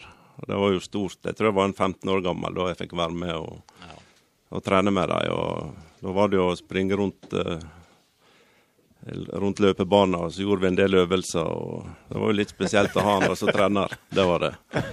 Så det husker jeg veldig godt. da. Men hvem, hvem var han, bare sånn kjapt? Uh... Nei, han eh, Ja, hva skal jeg si? Han, eh, hvorfor han var her, det veit ikke jeg, rett og slett. uh, men han kom vel ifra Østlandet en plass, tror jeg. Han var, mener jeg, den første farga spilleren i norsk toppfotball. Han spilte for Mjøndalen, hvis jeg ikke tar helt feil. Det kan sikkert stemme, ja. Så han hadde nok en bra spillerkarriere bak seg, og så ble han trener etterpå. og Jeg veit heller ikke hvordan han havna i Stryn, men, eh, men eh, det var det jeg skulle si. Og Jeg husker jo han Asbjørn, som jeg var inne på, eh, inne på litt før, at de Iallfall den siste sesongen før du dro til Brann da Nå er jo du bare ett år eldre enn meg, men det er ikke mange jeg har sett i Strynedrakta som har vært bedre enn den Asbjørn var den sesongen der. Da eh, var han omtrent som en eh, der eh, forsvarsspillerne rundt omkring i fylket bare dreiv til side når han kom. Jeg la ellers merke til Frank at når han sa litt om hvem han hadde spilt med, så nevnte ikke han ditt navn.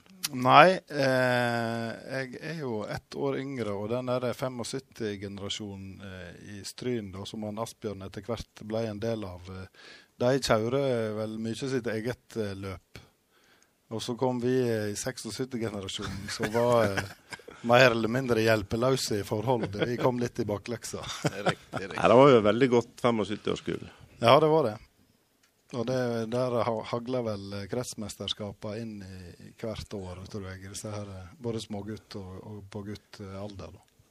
Så var det jo veldig mange som kom òg på kretslaget. Så det var veldig mange strynere som Mm. var der.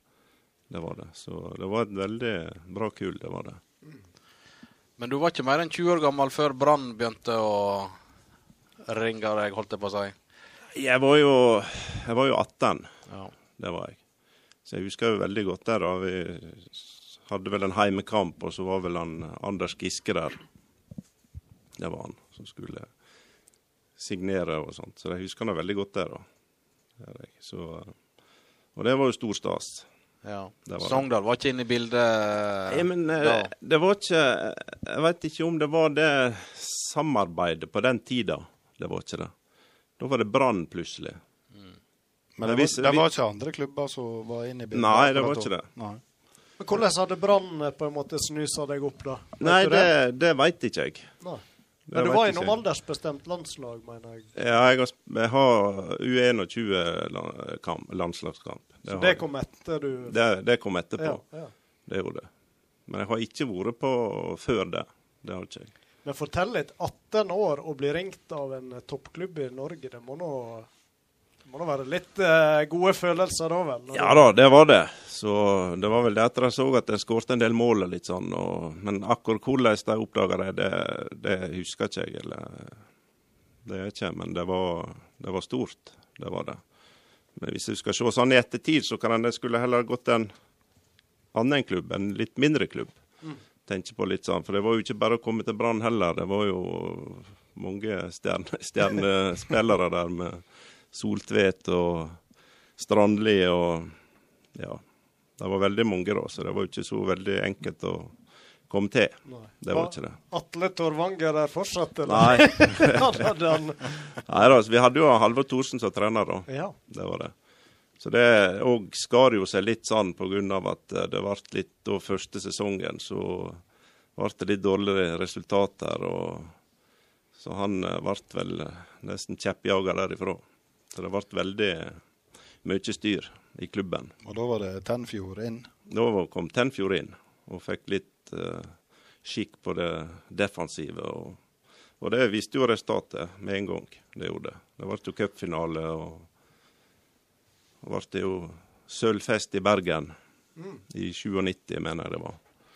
Men han var vel ikke kjent for å være så flink å slippe ungdommen til? Nei da, det var ikke han. Men uh, fikk nå prøve meg litt. Men eh, det var ikke det samme som når Halvard Thoresen var der. For han var jo veldig eh, bevisst på å satse på de unge. Det var et år før, eller to år før, så Det var vel året før sånn Eivind spilte jo der. Karlsbakk. Samtidig som deg? Ja, han var jo der samtidig, men han Ja. kom jo året før. Ja. Så han, eh, han Gunnar Norebø og de fikk jo prøve seg, og de gjorde det jo veldig bra. Det gjorde. Men så ble det litt forandring da når han, Kjell Tenfjord kom inn. Måtte du vente lenge eh, før, på, på den første kampen din eh, i Brann? Ja, nei da, jeg, det gjorde ikke jeg. Jeg fikk jo, Det var under Halvard Thorsen jeg kom inn. Og, men det var jo midtbane jeg ble sett til da. Oh, ja. Ja, det var vel for tøft framme der med disse her eh, tidene. Det var det. Så det ble jo ja, venstre eller høyre midt. Det var det. Frank Strandli hadde vel sin millionlønn. Og... Nei da, så det var ikke så enkelt å komme til. Så sånn i ettertid så Jeg angrer jo ikke på det, det er ikke det jeg sier, men sånn i ettertid så kanskje hadde det vært enklere med å Hvis en skulle kanskje hatt bedre utvikling og kanskje gått til en litt mindre klubb. Hvor, hvor lenge var du i Brann? Tre år. Tre år. ja. Ja. Men Etter ut, ja. Etter det vi kunne finne fram, så har du ti kamper i serien Det kan og hende. ett mål Ja, det var på Briskeby. mot HamKam. Ja da. Husker du målet? Å ja da. Å ja. Nei da, det var stort. Jeg, tror, jeg mener det var 3-1 vi vant. Ikke han Asbjørn ligger og tenker på det hver, gang, hver kveld han legger seg? Nei da, så det ble noe Jeg husker ikke mange kamper, men ti kan sikkert stemme det. Det er det. Og så Også, hadde- men du er jo oppført med en europacupkamp. Ja, det var jo stort, da. Det var det. Spille, slå ut PSV Eindhoven. Det var det. Vi spilte vel Vi vant vel 2-1 hjemme, og så spilte vi 2-2 borte. Så, øh, så Da var han Tor André Flo med òg, kjenner jeg? Ja, og det tror jeg. Det stemmer nå. Jeg mener jeg husker det. Ja. Og du var inn på banen, eller? Ja, jeg kom inn på banen på Philips stadion. Det var, det det var stort, det. Det var, så, det var så stort at jeg glemte å bytte til meg drakt. Helt forfjamsa. Ja. Men i 97, da var du vekke. Og da møtte jo Brann Liverpool i Europacupen, cupvinnercupen. Jeg har du tenkt på vekke Vekke fra klubben. Nei. Var, Var du der? Ja da. Vi Ja, for- møtte jo Liverpool etter vi slo ut PSV. Jeg, jeg satt og prøvde å google det før sending her, og jeg var sikker på at jeg hadde hørt at du satt på benken mot Liverpool. Ja da, jeg var På Anfield. Ja da. Ja, det stemmer det, ja. Ja da. Nei, vi, vi slo jo ut PSV, og da møtte vi jo Liverpool i kvartfinalen. Ja, riktig. Så da ble det noe Det var jo da Robbie Fowler hadde dette helsparket på Brann Ja, stadion. ja, ja. Jeg fikk jo permi fra militæret for å se den kampen. Ja, ja. Nei, så jeg kom ikke inn på de to kampene der, hjemme og borte. Men jeg fikk jo sitte på benken, og det var jo stort. Og, Kjenner nå litt på trøkket likevel. ja, det var. Anfield, det var fantastisk. Så det var jo litt artig. Vi, vi hadde en som het eh, Erik Johannessen. Tassen kalte vi han. Og han, eh, han var jo ihuga Liverpool-fan. Så han fikk jo komme inn på på Anfield, da. Det første han gjorde når han kom inn på Anfield, det var at han møtte Robbie Fowler, og så slo Robbie Fowler tunnel på ham, og han sto bare og gapte. Nesten med autografen Ja, ja, i ja. handa. Så det er da, så vi Kom han innpå fordi at han var så ihuga? Det kan hende. Vi tapte jo 3-0 da, Ja. på Anfield, så det kan jo hende. Det veit ikke jeg husker ikke. Men det var, det var litt artig å se. Det var tunnel, og så sto han bare helt til ro og gapte. Så Men det- merker du litt ekstra på å få slippe inn på den kampen? når du er, Ja, Det er jo spesielle anledninger, da. Tenkte jo på det, selvfølgelig, men eh, det, det var jo stort bare å sitte der og, se, og høre på. Du ble ikke sendt i oppvarming heller? Ja, vi var jo ute og, i pausen og varma opp og sånt. Vi fikk jo være der så, Ja. på banen. Så det var, det var stort, det. Ja. Det var det. Ja, det er jo ikke verst å være på, eh, på benken på Anfield, altså. Ikke mange strømninger som kan skilte med det. da. Det hadde jaggu jeg vært stolt av. det kan du si. Men da gikk Ja, da. turen videre til Var det startet, da? Eller? Ja da, jeg var i Brann i tre år, og så var det slutt der, da. Og da hadde vi en uh, spiller i Brann, Klaus Eftevåg, som prata litt med Start, da, for han kommer derifra. Så han anbefalte meg å reise der, da. Så da ble jeg ned der i tre år. Det ble det. Hadde du da fått beskjed av Brann at uh, du eh, Ja, Du da, er jeg ikke med videre? jeg, hadde, jeg hadde et møte med han Kjell, så da var det slutt. Hvordan er det å, å liksom få den beskjeden du er ikke lenger en del av planene? Nei, det er jo klart, det er klart det er jo, du må jo flytte på deg, og det er jo trist. Og, men jeg hadde veldig tre fine år i, i Bergen. Mm. Fantastisk by, det er det. Så, men sånn er det. Sånn er fotballen.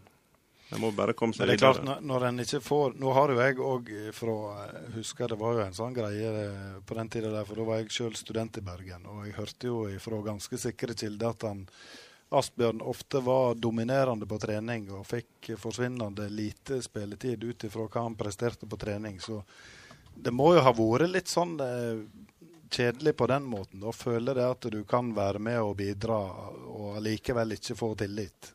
Ja, det er jo det. Og det som du sier da, det var veldig Men det er vel, det er vel noen som er best på trening, og så Nei, hvis da, du så aldri fikk prøve deg, så Nei, det men jeg fikk veldig mye skryt av det, da. At jeg var veldig god på trening. Men eh, det er ikke så mye hjelp i det med dette her med Du ser jo i dagens fotball at det, du må ha tillit, skal du Ja. Og det, dette her med trenere, det er ikke enkelt. Det Men det viser jo òg hvor egentlig tilfeldig ei fotballkarriere kan være. da. Altså Har du en trener som gir deg ubegrensa tillit, så kan jo det bety alt. Ja da. Det er det så Nei, jeg bare husker da jeg reiste fra Bergen. Da var det jo snakk om Start eller Hartlepool. Ja. For Hartlepool der var ute etter en stor, sterk spiss. Ja. Og det var jo en sånn klubb som tror jeg hadde litt sånn samarbeid med bergensere. eller Ja, det var Ja, noe, stemmer det. det var noe divisjon bergensere. Ja, jeg vet ikke hva det var. Jeg liker Nivå tre, Ja, noe kanskje? sånt, tipper Tre, jeg. fire Ja, det var noen Brann-spillere som var der borte. Ja da, det var der. Så. Ja, vurderte du det? Ja, men det ble ikke noe mer. Det var ikke hører ikke noe mer. Husker jo eh, keeper Martin Hollund Ja. hadde, hadde jo en, eh, en visitt der borte. Ja, stemmer det. Og Da hørte jeg faktisk en historie. Han kom til Hartlepool, og så fikk han da utdelt en bil som han kunne bruke. Og på sida på den bilen der sto 'Top International Goalkeeper Martin Hollum. så det ba han dem om å fjerne, for det ville ikke han kjøre rundt med. Ja da. Det er herlig på nivå 3-4 i England. Men eh, eh, åra i, i, på Sørlandet, de ble vel ganske bra?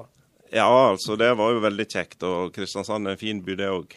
Det er det. Så jeg hadde jo da eh, Da jeg spilte i Brann siste året, så hadde vi en hadde en god kamerat med Morten Pettersen, så han kom fra Kristiansand da. Og han kom jo ned igjen året etterpå. Han hadde et år til i Brann før han kom ned igjen der. Så det var jo veldig kjekt at de tok turen ned igjen der, og da likte oss veldig godt der nede. Så det var tre fine år. Og det var fortsatt i Eliteserien? Nei, da var det i første, Første første divisjon. Ja. Det var det. Så da rykte vi opp året etterpå. Men der òg var det jo Jeg kom ned der, og så var det jo Fikk han jo Ble jo ny trener oh. året etterpå igjen, med en gang. Da kom han Jan Halvor Halvorsen inn. Det det. Så Var det samme ull? Altså, Ja, det var ja. Nei, da, jeg, skal, jeg sier ikke noe stygt om, uh, om verken Tenfjord eller Halvorsen, men det, sånn er det med trenere. Det, er- og da husker jeg det at andre, da han kom og skulle begynne som trener, da skulle vi ha en sånn testkamp. For da skulle han se hva spillere liksom. Sånn. Og da gjorde det jo veldig bra. Så da fikk jeg jo fortsette, da. Men eh, det ble jo ikke noe sånn Hva skal jeg si?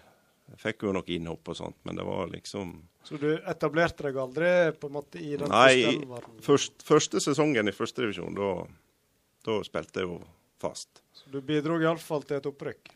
Ja, det Så det, det var jo greit. Det var det. Men etter, etter, etter start, da for du til Førde? Da var det Førde. Andredivisjon. Ja. Da var det og spilte der i to år. Det var to sesonger der. Ja. Det var jo Greide så vidt å holde oss i første sesongen, og så rykte vi ned sesongen etterpå. Da var det bare å komme seg derifra. Ja, da Nei, det var jo grunnen til at det for derifra. Det var jo det at uh, hun, fru, fruen var gravid. Ja. Så da flytta jeg hjem igjen, da. Det gjorde jeg. Og fikk jobb, jobb her i Stryn. Så det var, hadde jo litt å bety, da. Men Spilte du lag med han Steinar, da? Tenden? Nei, Steinar han var i Stryn. Han var i Stryn. Og det er bror? Tror jeg. Hvis ikke han var i Brann da på den tida. For han, har, ja, han det- på Førde, vel? Ja, han har spilt Førde, men det var jo litt seinere, da. Det var det. Men jeg husker ikke helt godt. Han var jo en tur innom Brann, han òg, da. Men jeg husker ikke om det var på den tida der. Det husker ikke jeg. Og bror din, han Steinar, han, eh, han var vel til Island òg, han? Han spilte på Island. Det ja. Andre nivå, var det? Ja, det er jeg litt usikker på, men det kan hende det var ja. KA Akerøyre, eller hva det heter, tror jeg. Ja, Det frister aldri deg å reise dit? Nei, ikke da, iallfall da jeg var ferdig i Førde, da. Nei. Gjorde, men eh, nei, han gjorde det jo bra der oppe. Det gjorde han. Ja. Tenk om du, Aspen hadde reist til Hartlepool, så hadde du fått bil der det sto 'Top International Goalscorer'. Ja. Ikke det var noe? Jo. Ifølge, ifølge Wikipedia så var han Steinar i Brann i 2004. 2004, ja. Det var jo da sikkert eh, Det var nå enten så var jeg 2000 Nei, da var jo jeg i Stryn igjen. Ja. I 2002 da flyttet jeg tilbake til Stryn. Ja. Johannes ble født. Så du avslutta i eh, nesten der det begynte. Du gikk vel ikke til Loen igjen, da, men eh, Nei, ja, nå, også- og så starta jeg på Stryn igjen. Ja. Hadde en, eh, noen sesonger der. Hvor gammel var du blitt da? Ja, si det. 2002. Gammel var jeg da? Født i 75. Ja, 27? Ja, det var kanskje noe sånt. Ja. Ja. Så jeg var jo ikke gamle karen sånn sett. Nei, det det var- ikke jeg. Men eh, Din beste alder? Ja da. Så da hadde vi noen sesonger i Stryn, og så tok jeg et eh, år i, i Loen som spillende trener. Ja vel. Ja da. Da var ringen slutta. Ja, og så gikk jeg tilbake til Stryn. Og spilte siste år der i 2009. Å ja. Ja. Og Da, da fant jeg ut at da må jeg gi meg, for da kom tvillingene til da, da var det nok. Da var det ingen bønn lenger. Da- Men du har nå en og annen kamp for Stryn etter det òg. Skulle til å si det. Jo Du var, du var nå aktiv senest i fjor. Jo da, det var jeg. Så, men jeg fant meg fort ut at nå, nå tåler ikke kroppen mer. Ifølge transfermarkt.com så la du opp i 2009. Ja, Offisielt. ja det stemmer nok. Men det, det er vel moro å spille fotball fortsatt? Sikkert. Jo da, men det er bare det at eh, det er ingen tider, da. Ja. Fire unger, og de eh, spiller jo fotball alle og skal kjøre her og der. Og, så det er ikke så enkelt. Hvor, er det er å være, ha den rolla nå, da? Du har nå et eh, vi må nå kunne si, et bra talent av en sønn, han Johannes, som Ja da. viser seg Nei, det er jo veldig kjekt å, å være med dem, da. Det er det. Kjøre på kamper og prøve å følge opp litt. Så det er jo veldig, veldig bra, det. Det er jo litt moro. eh, Du sa at du reiste til Stryn som 12-13-14-åring. Ja. Og han Johannes òg reiste jo til Stryn eh, ja, som småguttspiller, var det vel kanskje. det stemmer nok. Så det er jo veldig spennende å følge med på han. eh. Hvor gammel er han nå? Han eh, ble akkurat 17. Ja. Et år, da? Kanskje det kommer en telefon? Ja, vi får se. Du har, vel, du har vel den nødvendige agentkurs, har ikke du det? Det var, Lisens. det var ikke så mye sånne agenter på det min tid, iallfall. Styre med det sjøl. Ja. Så nei da, det blir jo spennende å se. Han har jo iveren etter å trene, iallfall. Har du Ja. noe Ser du noe likskapstrekk med deg og spillestil og sånne ting? Ja, kvaliteter? altså Han er jo veldig og Sånn som jeg, jeg var jo veldig sånn dønn seriøs. Det var jo Jeg gikk jo på skilinja i Stryne òg. Ja. For da første året de starta opp dette der. Så da eh, var det jo ut, i, ut på Ulsheim og uten av Per Hatledal og Ja. skøyter og styre på, og så var det barmarkstrening, og jeg var jo i kjempe, kjempeform. ja, så kondis fikk du iallfall. Ja da, det var på dagtid, og så var det hjem igjen, og så var det moped inn til Stryn, og så var det på trening, og så, og så ofte morgenene så hadde vi morgentrening i Strynhallen, Ja. fotball. Så da var det ei økt der òg før vi Men dette skar jo seg til slutt, for jeg ble jo Ryggen svikta jo da jeg var 17 år gammel. Oh, ja. Ja, så jeg måtte jo operere og styre på. Så jeg var jo vekke et år da. ja. Men du klarte likevel å komme så sterkt tilbake? Ja da, så jeg måtte rett og slett legge meg under kniven. Med, jeg, gikk, jeg gikk i tre måneder med, med krøkker, da. Det gjorde jeg, for jeg greide ikke å rette opp igjen ryggen. Til slutt så måtte de bare operere. Så det, så det ble litt for mye trening, rett og slett. Men plagde deg noe videre i karrieren? Ikke eneste Hva skal jeg si I begynnelsen, de første åra kanskje, da kjente du at du var litt stiv og sånt. Men uh, nå er jeg i grunnen helt fin. Ja. Det er jeg. Så, Jeg kom på det i stad, Asbjørn. Vi har ikke spilt så mye fotball i lag, men vi gikk på videregående skole i lag. det gjorde vi. Og det smiler godt. Det strømmer minnene på. Ja, det gjør de, så jeg, jeg tror ikke alt egner seg for eh, radio. Ikke engang i det var, det var ganske trivelig. Ja, vi fikk Men hva driver han eh, Asbjørn med i dag, da? Du er nå litt involvert eh, i, fo i fotballen òg, som uh, Han han har iallfall vært med som oppmann, vel? Nei, Ja hjelpetrener. Ja da, så var jeg med A-laget da, fram til og med vårsesongen. Da måtte jeg bare gi meg, da, for eh, det ble litt mye. Og fruen er sjuk og litt sånn, så da måtte jeg bare prioritere andre ting. Det fins viktigere ting Ja i fotballag. Så, eh, så da måtte vi bare legge inn årene litt. Ja. Eh, jeg, jeg kunne tenke meg å spørre deg om hva du tror om et framtidig A-lag inne i Loen. At eh, nå det jo, ligger det jo nede per dags dato. Ja, det er litt sånn synd at en ikke har disse her lokale oppgjørene mot Oppstryn. Nå var vel Håndalen i sving igjen. Ja. Det var de. Og så er det vel snakk om Vikane neste sesong. Ja, jeg har hørt det òg, så Nei, det er jo litt synd da at ikke Loen eh, stiller lag. Det er det. Så Anlegget ligger der. Ja, anlegget ligger der. Det er jo det som er litt synd. Det er det. Så jeg tror nok er eh, spillere nok. Men eh, jeg tror kanskje det er litt der da, kanskje at en kan ta tak, initiativ til å få stable på beina et lag. Ja, nå hadde jo Oppstryn eh, Var ikke det nå i helga de feira 40 sammenhengende år med seniorfotball på Lund stadion? Ja. Og det er jo klart at uh, det hadde vi snakka om før, både med han, uh, han Tarald der og, og Oppstryn. Den er avhengig av noen eldsjeler som, uh, som holder det gående. da. Det er helt Og klart. hvis en i perioder ikke har det, så, så ramler det fort i hop, altså. Så det hadde vært kjekt med lag både i Vikan og i Loen, i tillegg til Håndalen og, og Oppstryn. Og Stryn, selvfølgelig. Vi liker jo å løfte litt fram disse eldsjelene her i Sport og spas òg. Og er det noe som har betydd litt ekstra for deg opp gjennom, enten det er Loen eller Stryn, og stått, stått Ja, på? altså Du veit han uh, Olav Tenna, som vi sier, han har jo stått på i Stryn. Han var jo veldig sånn uh, Den her 75-års Det var vel første treneren du hadde i Stryn? Ja, det var det. Ja. Så han styrte nå veldig på. Reiste på reiste på cuper til Sverige og tid, ja. Nei, det, var, no, det heter Dalekarlia da. Oh, ja. Ja. Jeg vet ikke om det eksisterer lenger. Eller Det hva tror jeg faktisk det gjør. Det er jo i Borlenge, Ja. det? Ja. Der var, var jo vi òg med, og det var jo en kjempeartig cup å reise på. Veldig internasjonal den òg, faktisk. ja da. Eh, da var ikke Gotia Cup noe alternativ eh, for uh, Stryn. Men uh, nei, det var mye cupreising på den tida òg. Ja. Uh, og 75-årsgjengen, nei, 75-årsgenerasjonen, den uh, gjorde vel bra ja. der borte. Det var, jeg tror det ble eh, finale et år, iallfall. Men nei, tap, da. Det ble det, så Nei, det ble artig, det. Reise på tur. Det var det. Har du et uh, høydepunkt? Kanskje du har vært innom det allerede, men uh, ifra karrieren? Det er nå kampen på Filip stadion, og så er det Han har vært på um, cupfinale. Det var nå artig, sjøl om han ikke kom inn på. Så- Hvem det var mot? Det var mot Rosenborg. Ja, det var mot Rosenborg. Ja, det var da det var omkamp. Var det da Eivind ble Ja, da ble han utvist. Ja. Det ble han.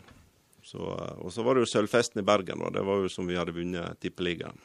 Det var det. Og ikke så nøye om det var gull eller sølv. Nei, det var jo fantastisk stemning. Det var det. Så Nei da, det var mye å se tilbake på. Ja. Angrer ikke på det. Så ikke minst å være med et eh, bortelag på Anfield må ha vært Ja, ja, ja. Selvfølgelig. Selvfølgelig. Så Hva er det plass av fotballen sånn ellers nå, da? Er du, eh, jeg tenker du er involvert selvfølgelig i Strømfotball, som du nevner, men eh, er du sånn som disse karene som sitter og følger med på engelske lag òg? Ja, det er Liverpool, det. Oh, ja. det, det er kun det. Og det, det er stas det å få med seg det i helgene. Det er det. Det går det så bra nå, vet du. Så. Ja, sitter bare og smiler, vet du. Ikke bare det, men så er det så stilt for United-fansen. nå, Det er vel det beste av, av alt. Og Johannes han har jo fulgt i dine fotspor også der. Ja da. Hele gjengen hjemme sitter med Liverpool-drakt, så det, det går bra. Helt til slutt, Asbjørn, hva du tenker om eh, sesongen til Stryn, og hvis vi skal se litt fram mot neste igjen? Hvordan vil du oppsummere? Det er iallfall variabelt. Ja, nå er jeg kommet litt i sånn ingenmannsland nå, da. Ja. Det er vel femteplass, og en kan jo Kan, ja, kan knipe, knipe Ja, det, det kan en. Så Men det er jo sånn midt på treet har det vært. Men uh, hvis en skal se litt på de unge som kommer, så kommer det veldig mye bra. Det er det. Og de har fått prøvd seg litt. Ja. De blir jo enda bedre til neste år. Det er det. Så det, det ser veldig bra ut. Det er det. Nå har vel A-laget hatt en litt sånn totalt sett, og en sesong litt under det en hadde forventa. Mens, eh, mens disse her ungkarene på Stryn 2, de, de er jo i ferd med å slå ut i full blomst. Så Ja. eh, Nei, så det gror veldig. Det var litt synd at de eh, ikke fikk den førsteplassen. Hvordan var stemninga i heimen eh, da, til den kampen? Nei, han, han kom jo hjem med strikken. Han var jo med, og det var jo litt sånn trasig. Ja. Det var det. Men det er klart det hadde vært enda bitrere hadde det vært kamp om opprykk. Ja. Det hadde det. Selvfølgelig. Ja, det var det jo ikke, da, selvfølgelig. I og med at eh, Stryn og Stryn 2 ikke kan spille samme divisjon. Men, eh, men det positive her er jo at eh, Stryn 2 har en voldsomt lav snittalder. Ja. Og der er mye, mye gode unge gutter som er på vei. Det er det. Så jeg må bare ta vare på dem. Det må en. Veldig kjekt, Asbjørn. Du tok turen til oss i Sport og Spas og mimra. Vi er glad i å mimre og Ja. eh, sette pris på når eh, tidligere utøvere besøker oss og er med oss med det. Og Så eh, får vi ønske lykke til iallfall med Strichen, som tar eh, fotballkarrieren videre enn så lenge. Også. Jo, takk for det. Takk for det. Sitat, ord og uttrykk fra sportens verden som du nå får servert enten du vil eller ei, ved Frank Hol. Ja, det er en eh, spalte som vi galant eh, hoppa over eh, forrige gang. Så da har jeg fått god betenkningstid. Vi hadde så mye gjester at da måtte faktisk noe ofres, Frank. Og jeg Ja. håper du bærer over med det. Men du kommer vel desto sterkere igjen eh, i dag, da, kanskje? Det Kan hende de lytterne vi har, setter pris på, på det òg. Eh, ikke veit jeg.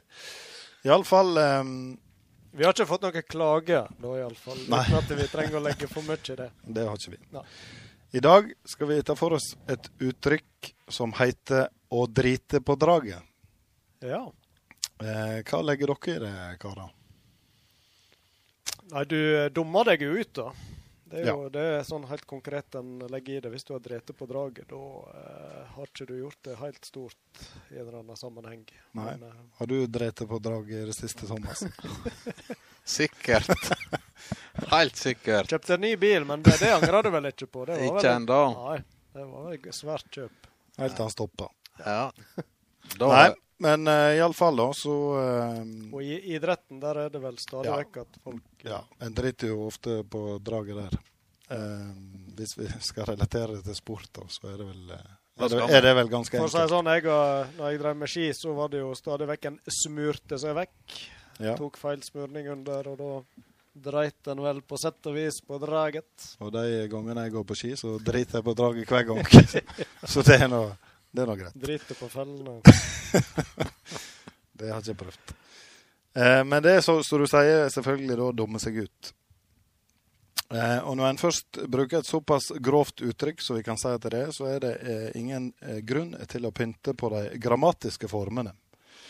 Det går an å skrive eh, 'dreit på draget' eller eh, 'har driti på draget' på bokmål. Eh, når det gjelder opprinnel opprinnelsen, da, så er det to motstridende forklaringer. Eh, forklaring nummer én. Eh, draget er fra den tida vi kjørte med slede eller kjerre. Hesten kunne da stundom bomme og drite på draget. Bokstavelig talt. Aha, det er det draget vi snakker om, ja. Eh, og så har vi forklaring nummer to. Eh, doen på seilskutene var i det nettet som er under baugspydet, eller kløyverbommen. Så dette, Ser, dette- ser det for meg. ja, ikke sant? Eh, når en da gjorde ifra seg, måtte, man, eh, måtte en holde i de draga, altså de taua som går langs eh, baugsprydet, og som ble brukt til å heise seil med. Man ble ikke veldig populær om, om en fikk eh, drit på de. Eh, så da òg kunne det uttrykket da komme. Folk med erfaring fra henholdsvis hestekjøring og skutesegling eh, har gått god for begge forklaringene. Eh, uttrykket står allerede i ei slangordbok fra 1952 med betydninga 'gjøre en bommert'. Eh, det er ikke brukt i litteraturen før i Jon Michelets 'Orions belte' fra 1977, eh, som senere ble filmatisert. Om det uttrykket ble brukt i filmen, det vet ikke jeg. Kan ikke huske. Eh, man kan skrive både 'dret på draget' og 'dreit på draget', men det siste er mest stilsikkert og har mest trøkk i seg. Altså anbefalt, og da sier eventuelt skrive 'dreit på draget'. Eh, man kan nok uten ekstra risiko skrive 'har driti' på nynorsk òg i disse uttrykka, sjøl om det etter gjeldende rettskriving bare heter 'har drite', altså med e-ending. Det grammatiske i sånne uttrykk eh, Roy Aron, er selvfølgelig viktig. Selvfølgelig. Så da kan vi oppsummere med at hvis ikke en vil dumme seg ut, eller drite på draget, så sier en dreit på draget. Ja, Eventuelt da 'har drete på draget'. OK. Ja. Likestilt. Men jeg må si at begge disse forklaringene du kom med, de, eh, De var gode. Det var mer av de forståelige, jeg sier. Dette er rett inn. Vi har nå vært gjennom litt av hvert der i Sportens Ja. men denne ja, Denne kjøper jeg. Ja. Sjøl så forsto ikke jeg så mye av denne her eh, seilskuteforklaringa. Men, eh, men det med hest og kjerre, det, det ser jeg lett for meg. Ja. At, eh, at da hesten kunne gjøre en bommert. Du var troverdig i framstillingen, eh, Frank. Du tok meg med på ei reise der som jeg Jeg tror på deg. Der var du eh, sterkt tilbake. Tok deg med på ei reise du aldri trodde du skulle få være med på. Riktig. Eh, til slutt så vil jeg eh, avslutte med en eh, liten vits. Og du? Ja. Har den med ordtaket, skulle jeg si, å gjøre. Og drite på draget. Ikke i det hele tatt. Nei. Mhm. Det har seg sånn at ei eh, kvinne fra Nord-Norge gikk inn på en butikk i Oslo og sier følgende. Dette er risikosport. Jeg skulle hatt ei flaske sjampo. Eh, mannen bak disken så på henne. Er det til fett hår? Den nordnorske kvinna så på han. Nei, er du tullete? Det er for håret på hodet. Og med den